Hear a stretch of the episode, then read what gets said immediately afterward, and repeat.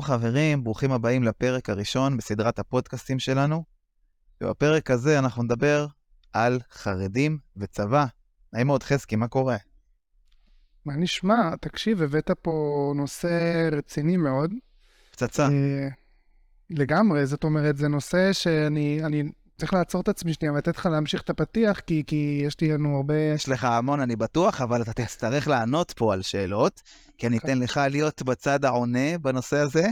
סתם, לא, יכול להיות שגם אני אה, אכנס לצד שלך מדי פעם, כי מי ששמע את הפתיח בטח יודע שאני גם הגעתי מבפנים, מה שנקרא. אה, אני מנהל היום אורח חיים דתי, אבל לא חרדי, אבל גדלתי בבני ברק. אה, אחרי בני ברק התחלתי לעבוד, עשיתי צבא, הלכתי ללמוד, אה, עשיתי את התואר, אה, והיום אני בעצם מנהל מוצר. ותמיד עניין אותי הנושא הזה. תמיד עניין אותי לבוא ולשמוע את התשובה, ולא רק אותי, האמת זה נושא שמעניין, נושא מאוד מאוד טעון. אפשר להגיד טעון, אני חושב, בחברה הישראלית. חד משמעית, אני אגיד לך גם, בסופו של דבר יושבים פה שתי אנשים, ואחד, יושבים פה, ואחד מהם עשה צבא, אוקיי? אה, שירת בעצם את המדינה ונשאר דתי, נכון? זאת אומרת, אה, לא, לא היה אמנם, אה, אתה יודע, מה שנקרא, בעולם הישיבות כרגיל, כמו שאתה עברת, אבל עדיין אתה יכול להגיד, הייתי בצבא, והאם זה סותר או לא סותר את האורח חיים הדתי, זה אתה תיתן את הזווית שלך, וזה מעניין אותי אגב לשמוע. ויושב פה עוד מישהו שלמד בישיבה, שתורתו הייתה אומנותו, ולא עשה זה תורתו אומנותו, תכף נסביר בדיוק למה השתמשת בלשון הזאת, יש סיבה. בדיוק. אה, אבל, אבל אה, אני, אני אכנס לזה עוד מעט, זאת אומרת, אני לא חושב שזה קשור אליי ספציפית, האם נשארתי דתי או לא בעקבות השירות. אני חושב שזו שאלה יותר מהותית, אבל בוא נחזור בעצם לנקודת ההתחלה, חזקי. בוא, זו שאלה שכמה שניסיתי, באמת, לחשוב עם עצמי ולמצוא טיעון טוב לטובת הציבור החרדי. באמת, לנסות למצוא טיעון אובייקטיבי שהוא יהיה טיעון טוב, שאני יכול לעמוד מאחוריו ולהגיד, וואלה, למרות שאני לא מסכים איתם, אני, אני מבין אותם, לא הצלחתי להגיע לטיעון כזה, כי אני מכיר את כל הסיבות ההגיוניות אה, שחרדי יכול לענות לי, ועדיין לא השתכנעתי. אז בוא, אתה יודע מה? תראה. בוא תשכנע אותי, בוא תשכנע אותי למה אה, אדם בישראל 2023, אוטוטו ממש, נגיד שאנחנו מקליטים את הפודקאסט הזה ב-31 ל-12, כאילו שנייה לפני 2023, אתה יודע, יש לנו, יש לנו על הראש את איראן, ויש לנו את עזה, ויש לנו את חיזבאללה, ויש לנו, אנחנו ב Middle East, אנחנו יודעים איפה אנחנו נמצאים, וגם החרדי בבני ברק יודע איפה אנחנו נמצאים. הוא קורא עיתונות ברמה כזאת או אחרת, הוא חשוף לטכנולוגיה ברמה כזאת או אחרת, זאת אומרת, תקן אותי אם אני טועה, החרדים חיים באותה מדינה. כמוני. תראה, זה לא רק שהם חיים באותו מדינה, אני חושב שכל חרדי אה, בנושא הזה ירגיש, אה, אה, גם אם תהיה לו תשובה והיא תהיה מאוד חד משמעית, אבל בואו נתחיל שנייה נקודה אחת אחורה. בן אדם חרדי, במידה ואת כל המדינה הייתה חרדית, או תיקח אלפי שנים אחורה, עם ישראל בכל מיני סיטואציות נלחם, אוקיי? הוא ברור. ידע לצאת החוצה ו- ו- וחי על חרבו, זה גם העם היהודי, הוא אחד מהעמים שבאמת נלחמו ואהבו מלחמות המון המון שנים. זה לא הכחשה להבנה שיש צורך בצבא, או שהצבא הוא דבר חשוב. עוד פעם, חשוב גם להגיד, יש גוונים בציבור החרדי, יש פלגים קיצוניים שבכלל מאמינים, הם, הם יורקים על חיילים, הם, אנחנו לא מדברים על הדבר הזה. אנחנו כן. מדברים בעיקר על, על, על זווית חרדית שנייה הגיונית של אה, אולי הייתי אומר הרוב השפוי של החברה החרדית. אמ, אני, אני, רוצה, אני רוצה לפני שאנחנו נכנסים לעומק של הדברים, בואו נעשה רגע סדר ובואו נתאר שנייה את המצב כמו שהוא, את הסיטואציה היום, מה מערכת היחסים שקיימת היום בין, אה, בין בחור ישיבה לבין צה"ל, ואז אנחנו נתקדם עוד שלב לטיעונים. אה, למה עושים צבא, האם, צריך, האם חרדי צריך או לא צריך לעשות צבא, ומה היחס של החברה הישראלית. אז קודם כל בואו נתאר את המצב כמו שהוא. בחור מגיע היום, אה, מקבל בעצם, הדבר הראשון, צה"ל קורא לו, לא משנה אם הוא בחור חילוני בתל אביב, או בחור חרדי מבני ברק, הוא מקבל מכתב, תגיע בבקשה לבקו"ם. אה, אני חושב שעושים את הבדיקות הרפואיות, את המבחן דפ"ר וכל הבדיקות השגרתיות האלה. נכון? זה, זה בעצם נכון. השלב הראשון. כן. עכשיו, למבחן הזה מגיעים כל החרדים, בעיקרון, כל בחור בגיל 18, אין ברישום רישום אם הוא חרדי או לא, הוא מקבל את המכתב. כשהוא מגיע לבקו"ם, בעצם ברגע שהוא מזוהה כחרדי או כבחור ישיבה, והמוסד שהוא בעצם, המוסד שהוא לומד בו נותן את האישור הזה, אה, הוא בעצם אה, יכול לקבל את האישור אה, של דחייה בשירות לשנה. אוקיי, לא, אני מתכוון, הפלג הירושלמי המפורסם, הוא גם מגיע בשלב הזה, זאת אומרת, הוא משתף פעולה עם המדינה ברמה כזאת. הבנתי, תראה. נכון, אז באמת הפלג הירושלמי, שהוא בעצם אה, אחוז אה, קטן, אבל מאוד מאוד קיצוני בציבור החרדי, לא מוכן בעצם לעשות גם את הצעד הזה. זאת אומרת, אחד מהקשיים מה, שלו והביקורת שלו על, על ה, ה, בעצם החברי כנסת החרדים, הנציגים החרדים בכנסת, הוא אומר, רגע, אני לא מוכן ללכת לבקו"ם ולהצהיר שתורתי אומנותי, ובעצם חייל במדים, מה שנקרא אה, ציוני, או בן אדם שהוא בעצם לא דתי, הוא זה שיגיד לי האם זה מאושר או לא. לא, אני לא הולך אפילו לבקו"ם. לבקו"ם. זאת אומרת, הפלג הקיצוני, הפלג הירושלמי, בעצם אומרים למדינה, תקשיבי, מדינה יקרה, את לא תגידי לי מה לעשות בשום צורה. אני לא צריך לבוא איתך לדין ודברים, האם אני צריך לעשות צבא או לא. אני בכלל לא מתייצב, זאת אומרת, גיל 17, בקו"ם, לפני צבא, בדיקות, לא מעניין אותי.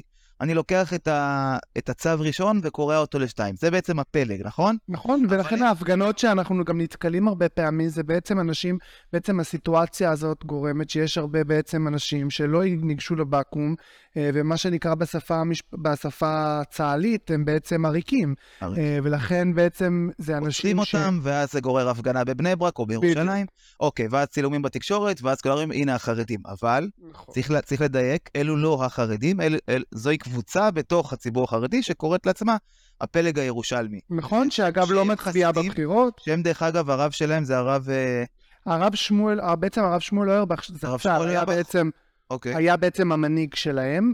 אין להם איזה מנהיג שהוא מאוד ידוע היום, יש להם רבנים קהילתיים, אה, יש הרב שמואל דויטש בירושלים, יש כל מיני רבנים. הרב, המנהיג הגדול שלהם היה הרב שמואל אוירבך שנפטר. הגישה שלהם היא גישה שקודם כל, חשוב להגיד... לא פשרנית.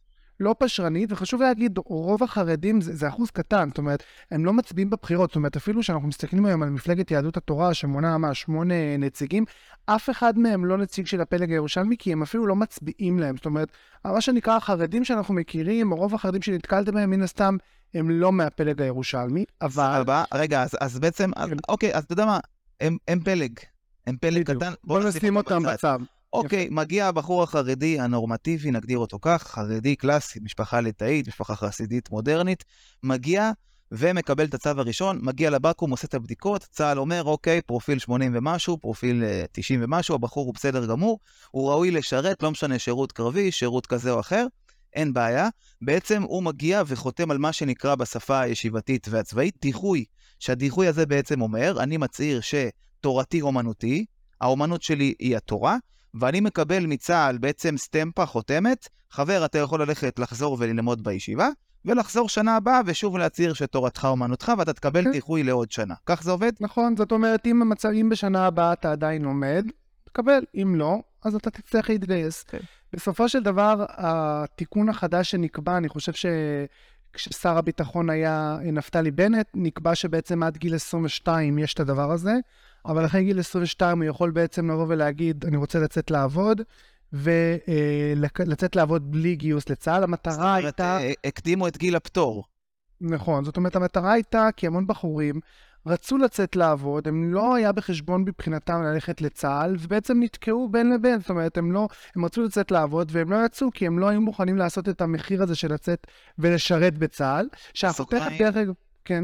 אני אומר בסוגריים, רציתי להגיד שלדעתי זה צעד מאוד חכם של הממשלה, אני רוצה שנדבר על זה בפרק נפרד לחלוטין, אבל בעצם, אם אני חוזר שנייה לשנותיי אה, בשלב הזה בחיים שבו התלבטתי האם להתגייס, כי מצד אחד כבר הייתי חצי רגל אחת מחוץ לישיבה, ומצד שני אה, רציתי נורא לעבוד, אבל פחדתי באותה תקופה, פחדתי מה יקרה אם אני אתגייס, מה, אני אדפוק לאחיות שלי את השידוך, אני אהיה כתם שחור למשפחה שלי, אבל מצד שני נורא רציתי לעבוד ולפרנס את עצמי, וזה קונפליקט מאוד גדול, כי, למה, למה הקונפליקט הזה? כי בעצם חבר'ה שעזבו את הישיבה, ויש להם אה, כל מיני מניעים ש...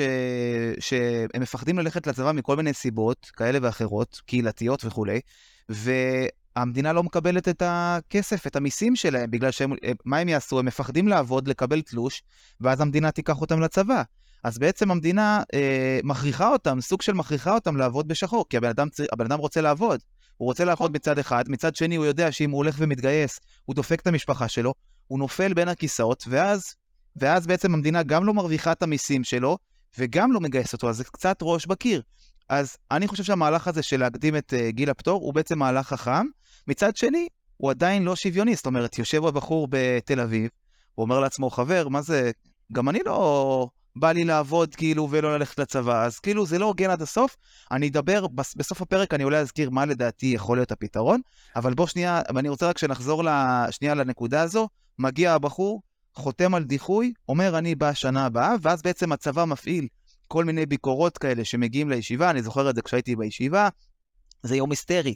זה יום של לחץ, כי הישיבה צריכה מהר מהר להביא את כל הבחורים, שהיום יש חבר'ה שיצאו לירושלים לחתונה של אחותם, ויש חבר'ה שגם ככה אף פעם לא נמצאים בישיבה, כי הם שבאבניקים, ויש כאלה וכאלה, וחייבים לעמוד במכסות, ומגיע המבקר החילוני, עם הפנקס והעט, והוא מגיע לך... אבי, מה שאתה אומר, מה שאתה אומר זה לא קשור לצבא. ללכת לבקו"ם זה אישי, כל אחד מקבל זימון אישי. נכון. מה שאתה מדבר זה בעצם על לקבל תקציב אה, אה, בעצם ממשרד הדתות, על, על, אה, על, בעצם יש תקציבים שמשרד, שמשרד הדתות מעביר לתלמידי הישיבה, והישיבה צריכה להראות שהתלמידים שלה נמצאים ולומדים. אז זה, אתה מדבר על יום לחוץ אחר, יום של הבקו"ם זה יום אישי, כל אחד הולך לבד, לא הולכים כל הישיבה ביחד. הבנתי, אתה אומר, אתה אומר שעשיתי פה סלט. בדיוק, אבל בוא נשים שנייה את הצד לצד, אני כן רוצה שנייה להגיד לך נקודה אחת שאמרת, אמרת, אמרת, הגדרת את הבחור הזה, הבאת את הדילמה של הבחור בן ה-22, שאמרת, טוב שנותנים לו לצאת לעבוד, כי הוא לא ידע מה לעשות, הוא ידפוק את הישיבה, את לאחותו את השידוכים. זה מעבר לזה, בחור בן 22 חרדי, שה, שלא מעוניין גם לצאת החוצה לעולם החילוני, הוא רוצה להישאר במסורת שלו. לא, זה, זה מעבר למה יגידו ברחוב, הוא באמת לא מתאים לצבא, זאת אומרת, תדמיין אותו הולך עם, עם כל ה... עם השפה החרדית שלו, עם הספסטנישט, עם ה... שאנחנו נדבר גם קצת על סלנגים חרדים, עם השחור לבן למקום שהוא כור היתוך ישראלי, שכל מה שהוא גדל עד היום, הוא בדיוק לא זה, זאת אומרת, הוא גדל בחיידרים ובישיבות ובאורח חיים שהוא אחר לגמרי. זאת אומרת, בעצם, אז... אתה בעצם אומר שאתה בעצם מתחיל לענות על השאלה, אז תיארנו את התהליך בעצם איך מקבלים את הדיחוי, בסדר? עכשיו אתה בעצם עונה על השאלה למה בחור חרדי מראש מקבל דיחוי ולא הולך לצבא, נכון? אתה מתחיל לענות על השאלה הזו. אז אם אני מבין נכון את הטיעון הראשון שלך, אתה בעצם אומר, הוא לא הולך לצבא בגלל שבצבא לא יתקיימו התנאים שמה, שייתנו לו להמשיך להיות חרדי. אני אסביר לך, תקשיב. Okay. אוקיי. אני קודם כל אגיד לך מהנקודת מבט האישית שלי, לי לא נוח לעמוד, לעב, לא משנה, לעבוד היום בתל אביב, או להגיע לאקדמיה, ולדעת ש... אה, אה, שיושבים מולי חמש, אה, חמישה, שישה אנשים שעשו צבא, אוקיי? ששירתו את המדינה, ואני לא עשיתי את התרומה הזאת למדינה. זה לא, זאת אומרת, בן אדם הגיוני אה, רוצה להיות חלק ממשהו, אני חלק מהחברה הישראלית, נכון, אני חרדי ואני חי, אני, אני שמח בחרדיות שלי, אני לא מתבייש, אני גאה במסורת שלי, אבל עדיין זה לא נעים להרגיש שמישהו שירת במקומי, ואני מאמין ובטוח שהשירות הצבאי הוא חשוב, אני מעריך חייל. איך אמר פעם אה, אה, אחד הרבנים הגדולים של החברה החרדית, אמר, מוישה פיינשטיין... את הסיפור הזה, כששאלו, כשחבר'ה רצו ללכת לאיזשהו קבר, רצו אני חושב שהם רצו לטוס, אם זה, או שזה סיפור אחר. אוקיי, תמשיך.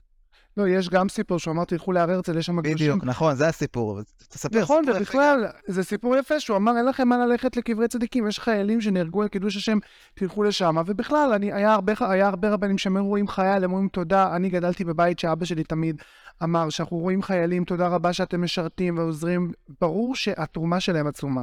אבל מצד שני, גם ברור שאני כבחור ישיבה לא הייתי מוצא את עצמי בצבא, כאחד שבאמת אה, אה, החברה החרדית והמסגרת החרדית והאורח חיים החרדים חשובים לי מאוד, לא באמת אתה יכול למצוא את עצמך בצבא, ואתה יכול להגיד... איך אתה יודע, אבל איך אתה יודע שאתה לא יכול למצוא את עצמך בצבא אם מעולם לא ניסית? מה אני בעצם אומר?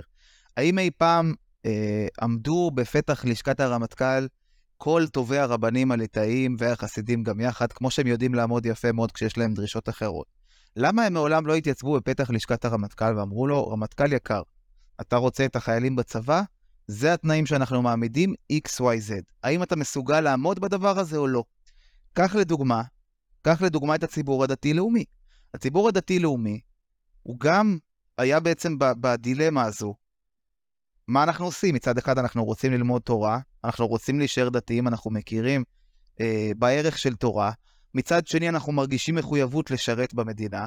באו הציבור הדתי-לאומי, העמידו את הדרישות שלהם, ויצרו לעצמם פתרון, זאת אומרת, יצרו את ישיבות ההסדר. מה זה ישיבת הסדר? זאת המצאה, תוצאה של פתרון שהגיע מזה שבאה הדרישה מצד אחד של רבנים דתיים, אל מול הדרישות הלגיטימיות הביטחוניות של המדינה, ומצאו פתרון ביניים, שהפתרון ביניים הזה נקרא ישיבת הסדר. עושים הסדר. איקס זמן, כל... שנייה, רגע, איקס זמן אתה לומד, ווואי זמן אתה, אתה עושה את הצבא. זאת אומרת, מה שאני בעצם בא להגיד, האם אי פעם החרדים באו, אנחנו רוצים לעשות צבא רק, רק, רק אנחנו לא יכולים כי איקס, וואי, זד, אני מרגיש שהיום ההנהגה החרדית, או הפוליטיקאים החרדים, יש לומר, זה כאילו בכלל לא על השולחן, אין לך אפילו מה לדבר, זאת אומרת, זה ברור שאנחנו לא נעשה צבא, אנחנו לא, זה לא שאנחנו מעמידים את התנאים. זה שאתה מגיע ואומר עכשיו, אה, כן, כי בחור חרדי שיגיע לצבא, הוא לא מתאים כי הוא מדבר אה, חצי יידיש, בסדר, האם אי פעם פניתם וזה, ואני אחזק את השאלה שלי, כי כשבאו והעמידו את התנאים האלה, ורצו להקים גדוד שנקרא נצח יהודה לשעבר הנחל החרדי, או גדוד תומר בגבעתי, או לא משנה, יש היום את שחר כחול ובינה בירוק, כל הגדודים האלו שמעט מעט מאוד חרדים מתגייסים אליהם, הם באו בדיוק עם הדרישות האלה והעמידו דרישות, אז למה לא להעמיד דרישות ולבוא ולהגיד, אני חושב שזאת לא הסיבה פשוט, חזקי. רגע, שנייה, אז קודם כל, שתי תשובות. אחד, אני מסכים עם מה שאתה אומר, זאת אומרת, ברור שהביקורת שאתה מפנה היא נכונה. זאת אומרת, אני מאמין שעם יותר רצון, ומשתי הצדדים, וגם מהצ... מהצד החרדי, זאת אומרת, שיבואו וינסו לבנות איזשהו מבנה שמתאים, היה אפשר להגיע לתוצאה יותר טובה מאשר שתי חלקים בחברה, אחד משרת ואחד לא. מסכים איתך ברמה העקרונית. אבל אני גם חושב שאם אתה תיקח את הציבור, הד... הציבור הדתי-לאומי, כמו, ש... כמו שהבאת כאילו כאיזשהו פיילוט, אני לא חושב שמבחינת מספרים, אני לא מכיר את המספרים, אתה יודע, ברמה כזאת, אבל אני לא חושב שהכמות חרד... הסטטיסטיקה של כמה שיוצאים מהצבא, אחרי בעצם הצבא כדתיים באותו רמה, הייתה מספקת את הציבור החרדי. זאת אומרת, הציבור הדתי-לאומי הוא הרבה יותר פשרן. אתה יודע, המילה חרדים, לשון חרד, הציבור החרדי חרד, מבחינתו הוא מעדיף, אה, אתה יודע, לחיות בעוני, אה, שאישה חרדית לא תלך לעבוד בחברה חילונית והיא מפסידה כסף כל חודש שהיא יכולה להרוויח יותר בחברה חילונית, מעדיפה לעצמה, אתה יודע, לא על חשבון מישהו אחר, היא מעדיפה להביא פחות כסף הביתה בשביל לשמור על עצמה באיזושהי סביבה, סביבה חרדית. אז אני חושב שהציבור הלאומי, הדתי-לאומי, פחות, יותר פשרן, והוא כן מוכן לה, לקב, להקים איזושהי מסגרת. נכון שהמחיר של זה יהיה משהו מסוים, אני לא יודע מה בדיוק המחיר שהציבור הלאומי, הדתי-לאומי משלם, אבל בציבור הדתי-לאומי ברור שיש הרבה יותר חבר'ה שבעצם אה, בתהליך הזה כבר לא מסיימים את הצבא כדתיים. אני לא מכיר, כמו שאתה אומר, אני לא, בגלל שגדלתי בחברה החרדית, אז אני לא הלכתי ורקרתי את הצבא מבפנים. אני, דרך אגב, עשיתי שירות אזרחי, אה, שהוא בעצם הייתה הדרך שלי לתרום למדינה, שזה כן נכנס בציבור החרדי, ודרך אגב... מאוד הולך, אתה יודע, דרך אגב, יש לי אח שלמד בחברון, אנחנו נדבר על ישיבות, למד בחברון, שהיא נחשבת הישיבה בעולם החרדי, והבחור היום במערך הכבאות בפתח תקווה, הוא בלוגיסטיקה שם. זאת אומרת, זה כן. פתאום זה קטע שזה נהיה מקובל שחבר'ה חרדים, אחרי חתונה יש לציין, בדרך כלל, אה, הולכים ועושים אה, שירות אזרחי. אבל דרך אגב, עוד נקודה, אז דבר ראשון, מה שאמרת זה העניין של הפיילוט הזה, שהאם הפיילוט הדתי-לאומי יצליח או לא, לדעתי החרדים לא יאהבו את המספרים. זאת אומרת, גם אם יבואו וישבו, בצדק לדעתי, יגידו, חבר'ה, המספרים לא עובדים. דבר כן, שני... אני, אני יכול להגיד באותה מידה שזה לא, זה, זה לא, זה לא, אין לך דרך להוכיח את זה. גם הרבה פעמים שואלים אותי, רגע, המודל הדתי-לאומי, תמיד מדברים על אחוזי הנשירה אה, של חבר'ה דתיים לאומיים שכאילו נהיו חילונים. ותמיד שואלים אותי, ומה קורה בציבור החרדי? ההבדל, בציבור החרדי אף אחד לא יודע מה המספרים, בגלל שכמו שאתה יודע, הרבה מאוד מחבר'ה שיוצאים בשאלה, מתוך הציבור החרדי פשוט לא מוכרים, זאת אומרת, אף אחד לא מכיר, אף אחד לא יודע על קיומם. אני יכול להגיד לך ממקור ראשון, שהיה לי המון חברים מבתים חרדים שחזרו בשאלה, אה, והיו איתי בגדוד, והם היו חיילים בודדים. הם לא היו חיילים בודדים כי ההורים שלהם באמריקה, ההורים שלהם היו בבני ברק ובאילת ובמודיעין, פשוט כי ההורים שלהם ברגע שהם חזרו בשאלה, או ברגע שהם הפסיקו להיות חרדים, אפילו לא חזרו בשאלה, הפסיקו להיות חרדים, ההורים שלהם פשוט ניתקו איתם קשר לחלוטין. אז אני גם לא בטוח עד כמה אתה יכול לאמוד את הסטטיסטיקה הזאת של הצלחת המודל החרדי לעומת המודל הדתי-לאומי, ואני גם לא בטוח עד כמה, אה, עד כמה הנשירה יותר גדולה בציבור הדתי-לאומי בגלל שיש את ישיבות ההסדר. זאת אומרת, אני לא חושב שהטיעון שלך הוא עומד בפני איזושהי הוכחה אמיתית. ושנייה רגע, אני גם רוצה להגיד שאני גם לא בטוח שאף חרדי אי פעם טרח לבדוק את זה. זאת אומרת, אתה אומר איזשהו טיעון, אבל האם מישהו פעם בדק ובא עם טענה, אוקיי, היינו מתגייסים, אבל אנחנו רואים שהסטטיסטיקה מראה שזה לא עובד? כאילו, זה לא עניין רק של סטטיסטיקה, אתה יכול להכיר את הציבור הדתי מבפנים, ואתה רואה לבד, אני יכול להגיד לך שאין, מרוב המשפחות, לא רוב, אבל הרבה משפחות דתיות לאומיות שאני מכיר, אז בדרך כלל מתוך, אה, לא יודע, חמישה-שישה ילדים, אז uh, בדרך כלל uh, יש כמה, או אחד או שתיים, שנהיה או חילוני או חרדי, דרך אגב, גם הרבה עושים את המסלול של התחרדות, זאת אומרת, החברה הדתית-לאומית בעיניים שלי, בגלל הפשרנות שלה, מאוד קשה לה, מאוד קשה לה בעצם להעמיד דורות נוספים באותו מסלול. אנשים קצת מתבלבלים, ילדים ובכלל נוער מאוד רוצים גבולות ברורים, ולכן לדעתי יותר קל להם להיצמד או לחילוניות או לחרדיות. יש המון המון דתיים לאומיים שמתחרדים. למה? כי הם בעצם מאוד מאמינים, אבל הם רוצים להמשיך את זה הלאה. הם רוצים את השיטה יותר חזקה. אבל אני רוצה להגיד לך עוד נקודה, שבעצם המסלולים החרדים של אחרי החתונה, זאת אומרת, של אברכים, כמו שחר כחול ושחר כתום, וכל הדברים האלה שבעצם לקחו חרדים. שחר כחול ובינה בירוק.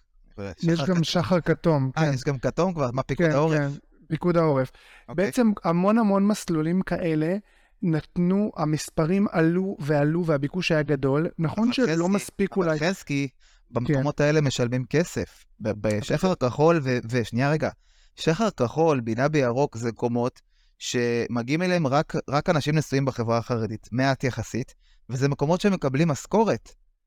עכשיו יבוא. זה חלום, אתה יודע, אתה יודע מה צריך לעשות אה, בחור חילוני כדי להגיע ליחידה טכנולוגית בצה"ל? אם אין לו אח ב-8200 ואבא שלו לא היה אה, מ"מ ביחידה, הוא לא יגיע לשם.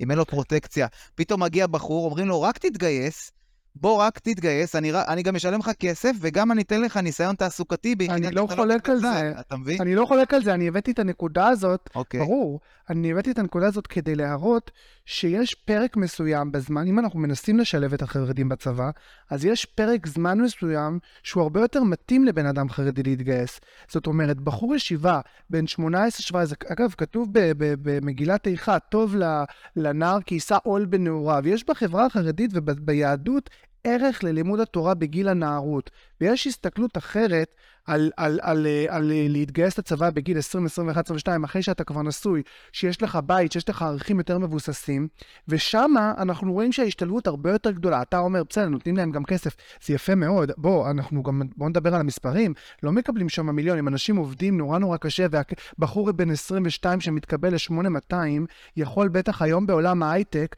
להרוויח תוך שנה-שנתיים משכורות מאוד גדולות. אני אומר לך את זה מהיכרות אישית, יש לי שתי אחים ששירתו שם, שעשו בעצם את המסלול הזה שחר כחול, ובעצם uh, במשך חמש שנים נתנו בעצם למדינה את כישוריהם המאוד כישרוניים, ו- ו- ובעצם, אה, ו- ואתה מבין, ובעצם נותנים... את... אתה אומר, אתה אומר שבעצם אחרי שבן אדם מתחתן, בקהילה החרדית, אחרי שאדם מתחתן, יותר מקובל שית, שיתגייס, אז מה אתה בעצם אומר? אתה מציע לצה"ל לגייס רק את הנשואים? לא, אני מציע לצה"ל, אני לא מציע לצה"ל, אני מציע לאנשים להבין שזה שאח... שיש פה, פה בעצם מיעוט. החברה החרדית היא מיעוט בחברה הישראלית. ואם יש מיעוט שיש לו דרישות שהוא עצמו חרד עליהן וחי את החיים, גם, זה לא שהחברה החרדית חיה את החיים שלה בחופשי, שזה מגיע לצבא, היא פתאום נהיית נורא חרדה לחיים הדתיים. לא. החברה החרדית חרדה לד... לדת ול... ולמצוות ביום-יום שלה. ברור, אבל חרדית... אנחנו חיים, אנחנו חיים במזרח התיכון, ולאדם החילוני, מחוץ לבני ברק קשה להבין, כי הוא מבחינתו רואה את uh, נסראללה ואת החמאס ואת איראן ואת עזה ואת הקונפליקטים ואת האיומים החדשים שמגיעים, והוא אומר לעצמו, כאילו, בסדר, כל עוד אתה חי בבני ברק, מודיעין, אלעד, לא משנה איפה, ואתה אוכל כשר ומתפעל בבית כנסת ולא נוסע בשבת, זה לא מעניין אותי.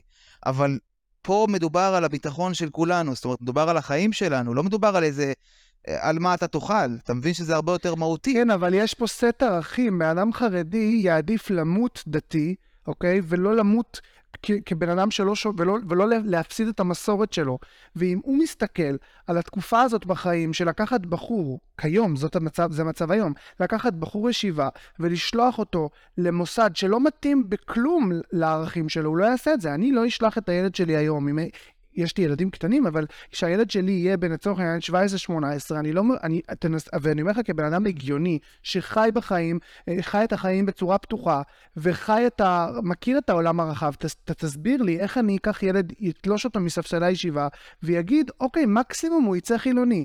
לא, אני מבין את האיומים. אני חושב שהרוב שה, צריך להקשיב שנייה לדרישות של המיעוט ברמת הצורך להתאים. אבל זה לא, זה לא עלה כדרישה, זה בדיוק העניין. אני אומר, אם עכשיו הפוליטיקאים החרדים היו מעלים את הדרישה שאתה אומר, ואומרים, אוקיי, אנחנו, כאילו זה מה ששאלתי בהתחלה, הדרישה הזאת לא עלתה מעולם. אני חושב שהמסלולים, לא, אני חושב שהמסלולים שכן עלו, השחר כחול וכל הדברים, בינה בירוק, כל הדברים האלה, הגיעו מתוך דיאלוג אמיתי של שתי אנשים שישבו סביב שולחן וחשבו איפה הפתרון יכול להיות. אם אנחנו ננסה בכוח להכניס את האנשים בגיל 17 לצבא, וזה לא ילך, אבל אם אנחנו נגיד, בוא, נ, בוא ניקח את הכישרונות שלהם בגיל מבוגר שיותר מתאים להם מבחינת המסלול. תראה, עוד פעם, אני, אין, לי, אין לי פתרון, אבל אני כן חושב שההבנה צריכה להיות שזה לא רק על חשבון, הח... זה לא רק על חשבון החילונים, זה בן אדם חרדי מקריב המון ביום-יום שלו, גם על חשבון, אני אומר עוד פעם, המשכורות החרדיות נמוכות בש... ב... ב... מאשר במשכורת של בן אדם חילוני, בגלל טוב, שהוא מוותר הרבה פעמים. אם, אה, אם הייתי יושב עכשיו בשולחן שבת ושואל את השאלה הזאת את אבא שלי, אז uh, הוא היה מדבר איתי בעיקר על תורה. אז בוא, בוא נעבור לדבר, בוא, בוא נעבור לדבר על הטיעון המרכזי שבדרך כלל... אולי מדבר איתך, אולי, אבי, אולי מדבר איתך על התורה, מדבר איתך על התרא. על תרא. בוא נגיד שהטיעון הזה של אה, לא נשלח את הילדים לצבא כי אולי הם לא יהיו חרדים, כאילו, בת... רוב החרדים שדיברתי איתם על הנושא הזה מעולם, זאת אומרת, זה, זה גם טיעון ששמעתי הרבה, אבל הוא היה טיעון שולי, ודווקא אני רוצה שתדבר על הטיעון המרכזי, שזה בעצם התרא, אז מה... אני אגיד לך למה התחלתי עם הטיעון הזה, בגלל שבסופו של דבר, ברור שהטיעון הראשון זה שהתורה מגינה, תרא מגנה ומצלו, זה ברור שהתורה מגינה ומצילה את עם ישראל לדעתי. אבל אני חושב שבסופו של דבר אנחנו מדברים על מי שלא לומד תורה, אז אנחנו תמיד מגיעים לשלב שאומרים, אוקיי, אבל הוא לא לומד אז שילך, שילך לצבא, אז לכן אנחנו ככה הגענו לטענה של למה זה לא מתאים לבן אדם חרדי גם אם הוא לא לומד תורה. תורה... אתה התחלת בעצם לדבר על החבר'ה החרדים שלא לומדים תורה, והם גם ככה שבאבניקים, במילים אחרות הם גם ככה נמצאים ברחוב ועובדים, אז אתה אומר לא לגייס אותם כי אולי הם יהיו חילונים. לא, לא אמרתי את זה.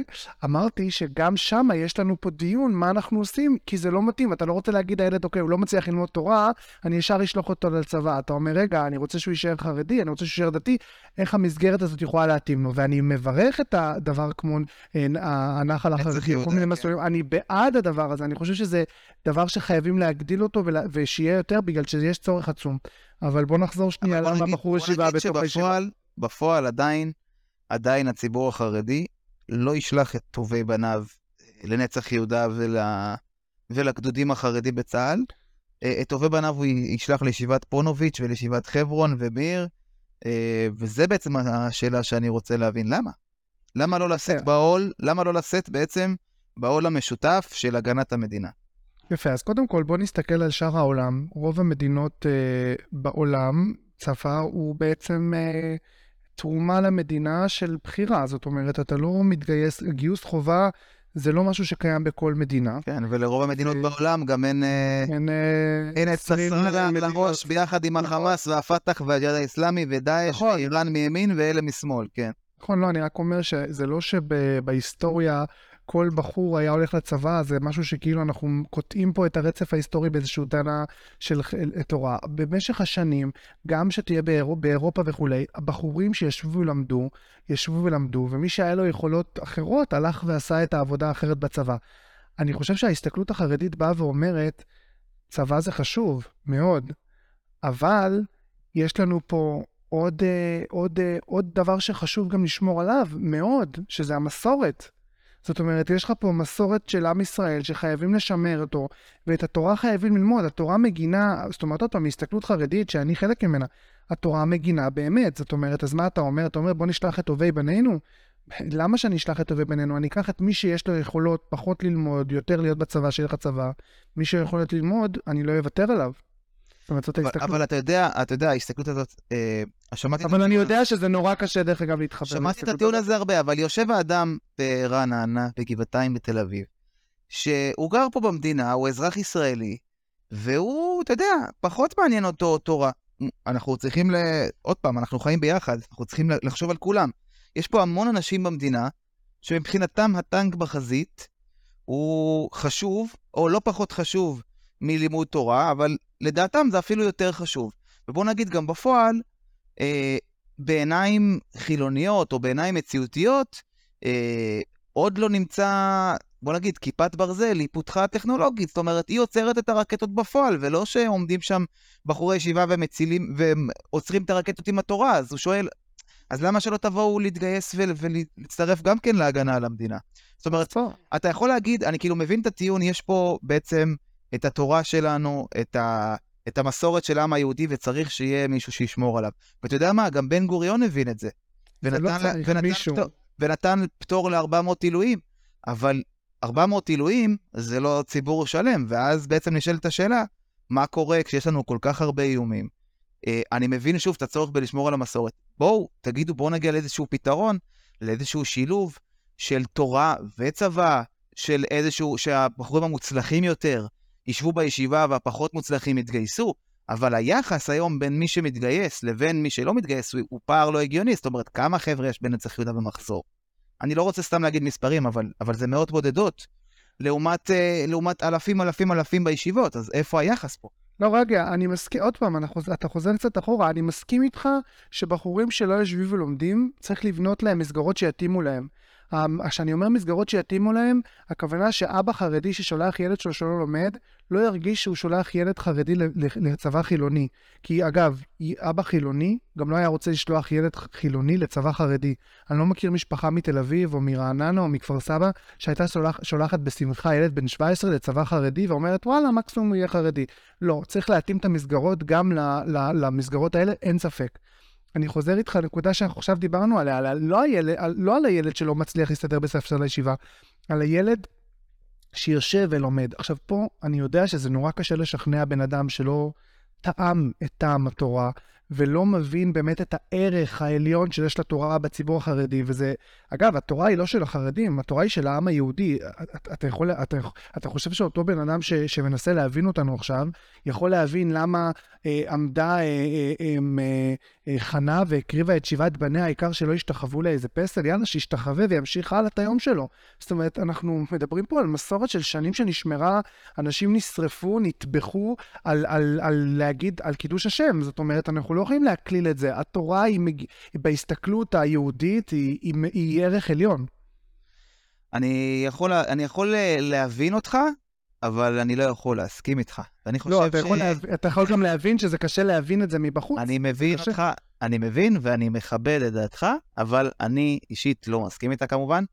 אה, אני חושב שהקונפליקט הזה הוא קונפליקט שאפשר לפתור אותו.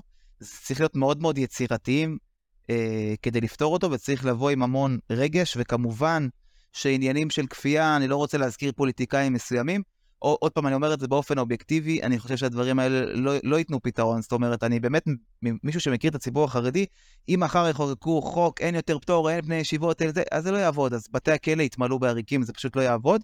לכן אני חושב שהפתרון חייב לבוא, ב, איך אומרים, במשא ומתן ובהבנה והכלה של שני הצדדים. אה, אני הרבה פעמים חשבתי על הקונספט של אה, צבא מקצועי, האמת. Uh, אני לא מספיק מבין בזה, יש אנשים שאני יודע שיש בעולם טיעונים בעד ובנגד, אבל אני חושב שאם הצבא היה מקום מסודר, uh, עם משכורת, כמו משטרה, כמו ארגון כבאות, אני חושב שהיו מגיעים אליו אנשים מאוכלוסיות uh, שונות, גם הרבה יותר חרדים היו מתגייסים אליו, אבל זאת הרגשה אישית שלי. אני, אני רק אומר, לדעתי החשיבה פה צריכה באמת להיות מחוץ לקופס, לקופסה. אבל אי, אפשר, אבל אי אפשר לחיות במצב שציבור אחד מרגיש כל הזמן בעמדת אה, קיפוח, למה אני עושה את חובתי והוא לא, וציבור השני אומר, אה, אה, אני לא עושה את חובתי וזה לא מעניין אותי מה יגידו. זאת אומרת, חייבים לשבת אני מסכים איתך. אני מסכים איתך, רק אני חושב שכדי להגיע לשולחן, כמו שאתה אומר, בראש פתוח, חייבים גם להבין כמה שהערך של התורה הוא ערך עליון. ופה נורא נורא קשה להגיע ל... צריך ל... להבין שגם התורה היא כיפת ברזל, וגם כיפת ברזל אי אפשר בלעדיה, אתה אומר. בדיוק. טוב, חזקי, תקשיב, אפשר לעשות על זה עוד עשרה פרקים, כן, זה אין סוף, אבל אני חושב שהדיון הזה הוא מעניין והוא פותח, ולך תדע, אולי עוד נעשה עליו פרקים בהמשך. אה, אז היה כיף, אני כבר לא יכול לחכות לפרק הבא. יאללה, אבי, שיהיה ערב טוב. אחלה ערב. היה, היה בהחלט אה, דיון פורה, ואני חושב שהרעיון שהבאת בסוף הוא רעיון לא רע. נחשוב עליו. נחשוב על זה. אולי מפה תבוא הישועה, לך תדע. אולי מישהו ש... מי שצריך שומע אותנו. אולי. יאללה. ביי, אבי, להתראות. ביי, להתראות.